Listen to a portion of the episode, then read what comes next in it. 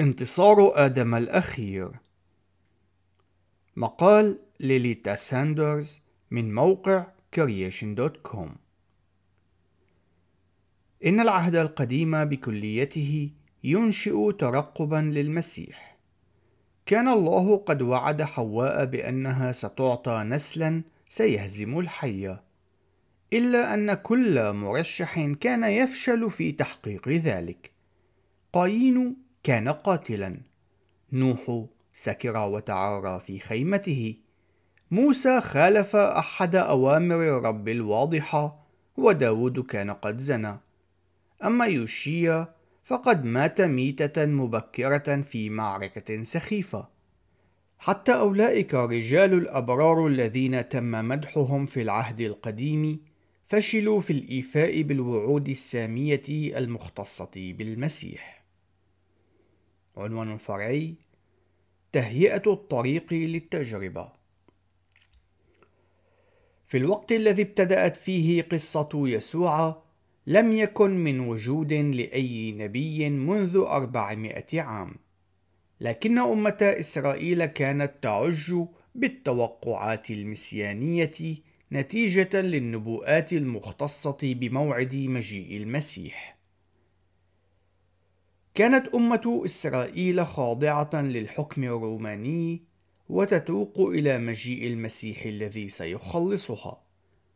إن كلا من متى ولوقا كانا قد قاما بالتقديم للسرد الخاص بيسوع مع توقعات كبيرة تختص بخدمته من خلال سلاسل الأنساب وكذلك من خلال السرديات التي تتناول نشاطات معجزية تختص بالحبل به وبطفولته. كلاهما قد قصا بداية خدمته من خلال معموديته على يد يوحنا المعمدان حيث أعلن الله أن يسوع هو ابنه المحبوب. مباشرة بعد ذلك قاد روح يسوع إلى البارية حيث صام وصلى لمدة أربعين يوم. إن هذه السرديات تعلمنا بأنه جاع بعد ذلك وبأنه في تلك المرحلة حين كان يسوع في أضعف حالاته جاء الشيطان ليجاربه. عنوان فرعي الاكتفاء الذاتي في مواجهة الثقة بكلمة الله. أولاً خاطب الشيطان يسوع الجائع قائلا له اقتباس إن كنت ابن الله فقل لهذه الحجارة أن تتحول إلى خبز. نهاية الاقتباس. إن السبب الذي يجعل من ذلك الأمر خطيئة ليس واضحا بشكل فوري لأن يسوع خلق الطعام بشكل معجزي في مناسبتين أخريين على الأقل إلا أن يسوع لم يستخدم أبدا قدرته المعجزية ليخدم ذاته وهذا هو الأمر الذي كان الشيطان يغريه للقيام به. عوضا عن ذلك كانت مهمة يسوع أن يتمم فقط ما أعطاه الآب ليعمله. وقد أجاب يسوع كما يجب من خلال اقتباس سفر التثنية في الإصحاح الثامن في الآية الثالثة حين قال اقتباس أنه ليس بالخبز وحده يحيا الإنسان بل بكل كلمة ينطق بها فم ربي. نهاية الاقتباس. في الجنة كان آدم وحواء قد امتلكا الحق بقطف جميع ثمار الجنة فيما عدا تلك التي حرمها الله ولكنهما لم يتمكنا من مقاومة الإغراء حتى في ظل تلك الحالة من الوفرة. أما المسيح الذي هو آدم الأخير قد أثبت بأنه هو آدم الأفضل من خلال النجاح الذي حققه في ظل حالة تتسم بالحرمان الشديد. عنوان فرعي: التجربة في مواجهة الثقة. ثانيا، قام الشيطان بمهاجمة تدبير الله للابن وذلك حين أخذه إلى أعلى منطقة من الهيكل وقال له اقتباس إن كنت ابن الله فاطرح نفسك إلى أسفل لأنه مكتوب يوصي ملائكته بك فيحملونك. نهاية الاقتباس. كما كان عليه الحال في الجنة قام الشيطان باستخدام كلمات الله حيث قام بالاقتباس من المزمور الحادي والتسعين. ولكنه قام بتحريفها لكي يبرر الخطيئة. يمكننا أن نفترض بأن الله كان ليقوم حقا بحماية الإبن إلى الوقت المعين له لتقديم نفسه ذبيحة. ولكن يسوع قد رأى أنه اختبار غير مقبول أن يقوم بالقفز بشكل فعلي. وهنا أيضا اقتبس من الكتاب المقدس وقال اقتباس ومكتوب أيضا لا تجارب رب إلهك نهاية الاقتباس. في الجنة كان الشيطان قد هاجم كلمة الله وذلك حين قال لآدم وحواء أن وصية الله لم تكن لخيرهما، بل أنها كانت تعكس أنانيته في أنه لم يكن يريد لهما أن يصيرا مثله. كانا قد قررا أن يختبرا ما إذا كانت كلمة الله صحيحة أم لا، وقد دفعا الثمن. إن ثقة يسوع بأبيه ورفضه لاختباره هو انتصار ثان كان آدم قد فشل في تحقيقه. عنوان فرعي: الاستسلام للخطيئة أو هزيمة الخطيئة. أخيرا أظهر الشيطان ليسوع جميع ممالك العالم ومجدها. وقد وعد بأن يعطي يسوع هذه الممالك إن جثى يسوع له وسجد متعبدا. لم يتكلف الشيطان في هذه المرة عناء تقديم اقتباس من الكتاب المقدس بل تجرأ على تقديم العالم بأسره مقابل سجود يسوع له. إلا أن هذا هو طريق يوصل إلى حكم العالم دون التعامل مع خطيئته.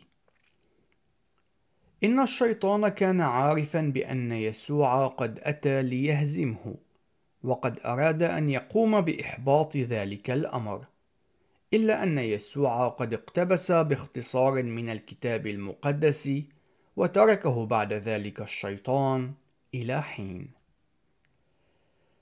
لقد أراد آدم أن يصير مثل الله.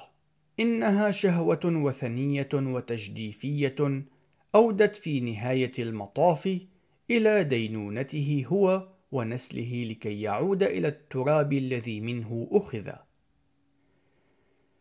ولكن يسوع الله الإبن الذي كان مصيره أن يقود الأمم رفض أن يأخذ ما كان له حقا من خلال أي طريق عدا عن ذلك الذي كان الآب قد وضعه.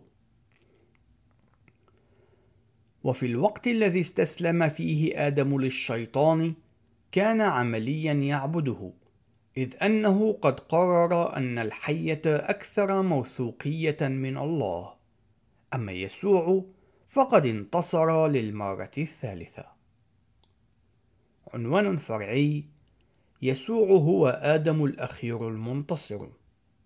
يوجد العديد من أوجه التشابه الواضحة بين تجربة يسوع وبين تجربة آدم وحواء في جنة عدن. قبل تجربة آدم بشكل مباشر، كان الله قد أعلن أن العالم حسن جدا.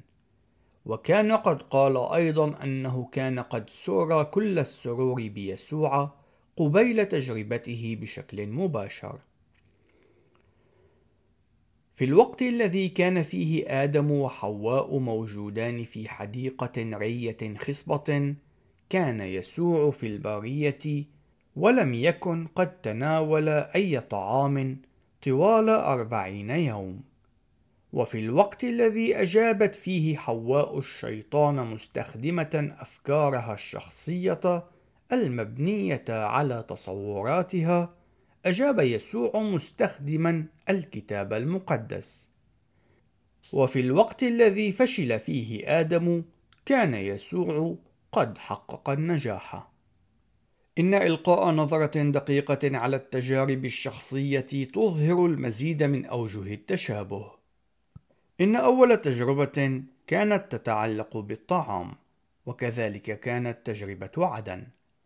التجربة الثانية كانت تتعلق بتدبير الله، كما كانت تجربة عدن. وثالث تجربة كانت تتعلق بالأصنام، كما كانت تجربة عدن. عنوان فرعي يسوع هو الإسرائيلي الحقيقي إن تجربة يسوع تحمل أوجه تشابه مع تاريخ أمة إسرائيل كان ذلك الجيل قد تاه في البارية لمدة أربعين عام. كانوا قد أخطأوا فيما يختص بالطعام حين طلبوا من الله أن يعطيهم لحما وفيما يختص بالثقة بتدبير الله وفيما يختص بعبادة الأصنام حين صنعوا عجلا ذهبيا. لذلك فإنه وبوصفه الإسرائيلي الحقيقي فإن يسوع كان قد نجح في مقاومة التجارب في الوقت الذي فشلت فيه أمة إسرائيل في ذلك. عنوان فرعي يسوع مثالنا في الوقت الذي كان يسوع خلال حياته وخدمته قد أتم أشياء لا يمكن للمسيحيين المعاصرين ولا يجب عليهم أن يحاولوا محاكاتها فإنه في نواح مختلفة كان مثالا لنا في سعينا لاتباعه ولعيش حياة تقوى. في التجارب كان الشيطان قد أساء استخدام الوحي المقدس من خلال تحريفه حيث قام بالاقتباس خارج السياق ووضع تطبيقات خاطئة كان يسوع قد واجه تلك التجارب من خلال التفسيرات السليمة للوحي المقدس إن سرديات التجربة وكذلك سرديات الأناجيل تظهر بكليتها أن المسيح كان على دراية جيدة بالأسفار المقدسة. بوصفه الله كان هو بكل تأكيد من أوحى بهم، لكن يسوع خلال حياته وخدمته كان قد وضع جانبا امتيازاته اللاهوتية وقوته الخارقة لكي يحيا حياة بشرية بارة بشكل كامل. وذلك لكي يكون قادرا على أن يحسب لنا برا بشريا عندما نضع ثقتنا به لذلك فإنه من المحتمل أن يسوع كان قد تعلم الكتاب المقدس كما تعلمه الكثير من الشبان اليهود من خلال والديه ومن المجمع اليهودي لقد حفظ أجزاء ضخمة وكان قادرا على استذكار الآيات اللازمة في الوقت المناسب. عنوان فرعي: هل كان من الممكن ليسوع أن يفشل؟ يتساءل البعض من الأشخاص ما إذا كان من الممكن ليسوع أن يفشل في هذه التجربة. يقولون أنه إن لم يكن من الممكن ليسوع أن يخطئ، فإنها لن تكون تجربة حقيقية. في حين يشير آخرون بشكل سليم قائلين أنه إن أخطأ يسوع فإن ذلك سيعني أنه لن يكون الله، لأن الله قدوس ولا يمكنه أن يخطئ. لم يكن من الممكن ليسوع أن يخطئ لأن يسوع هو الله، ولكن التجربة كانت تجربة حقيقية لأنه كان إنسانا. وقد حاول الشيطان استغلال ضعفه البشري. ولكن حتى كإنسان قاوم يسوع التجربة من خلال معرفته بالأسفار المقدسة ومن خلال الطاعة الكاملة لشرائعها متقويا بالروح القدس وبصلواته الحارة. ومن الواجب علينا أن نتبع مثاله. انتهى المقال ولنعطي المجد لله دائما.